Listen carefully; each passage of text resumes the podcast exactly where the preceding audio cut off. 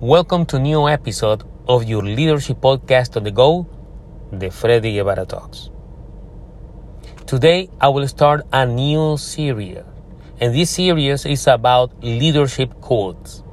Why? Because quotes are important because they can help you rethink your ways, rethink your thoughts, rethink your own style, rethink your life, and rethink your career.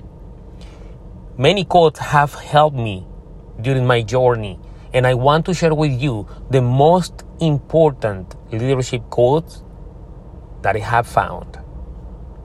So let's start with one from Kenneth Blanchard.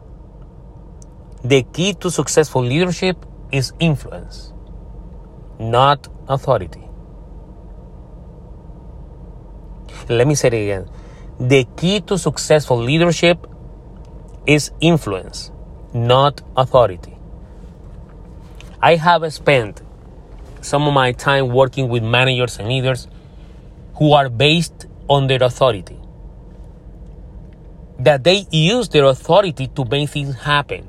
But let me tell you this by my own experience, and it's a fact that basing your leadership and management on authority, it won't create a great culture. It won't create a good work environment. What is more, the only thing that can, you can create with a leadership based on your authority is restrictions, limitations, fear, and unhappy workers. Influence your people you as a leader and manager, you want to learn how to influence people positively. And I'm going to tell you something. If you influence people, you will get a better return than using your authority. I have done it myself. I have learned how to influence people. I have learned how to influence people around me.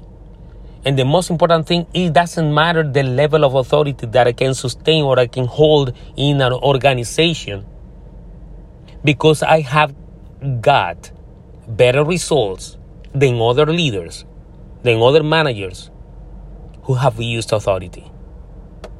So I challenge you today to learn how to influence people and use your influence, not your authority, and you will become a successful leader. Until the next time.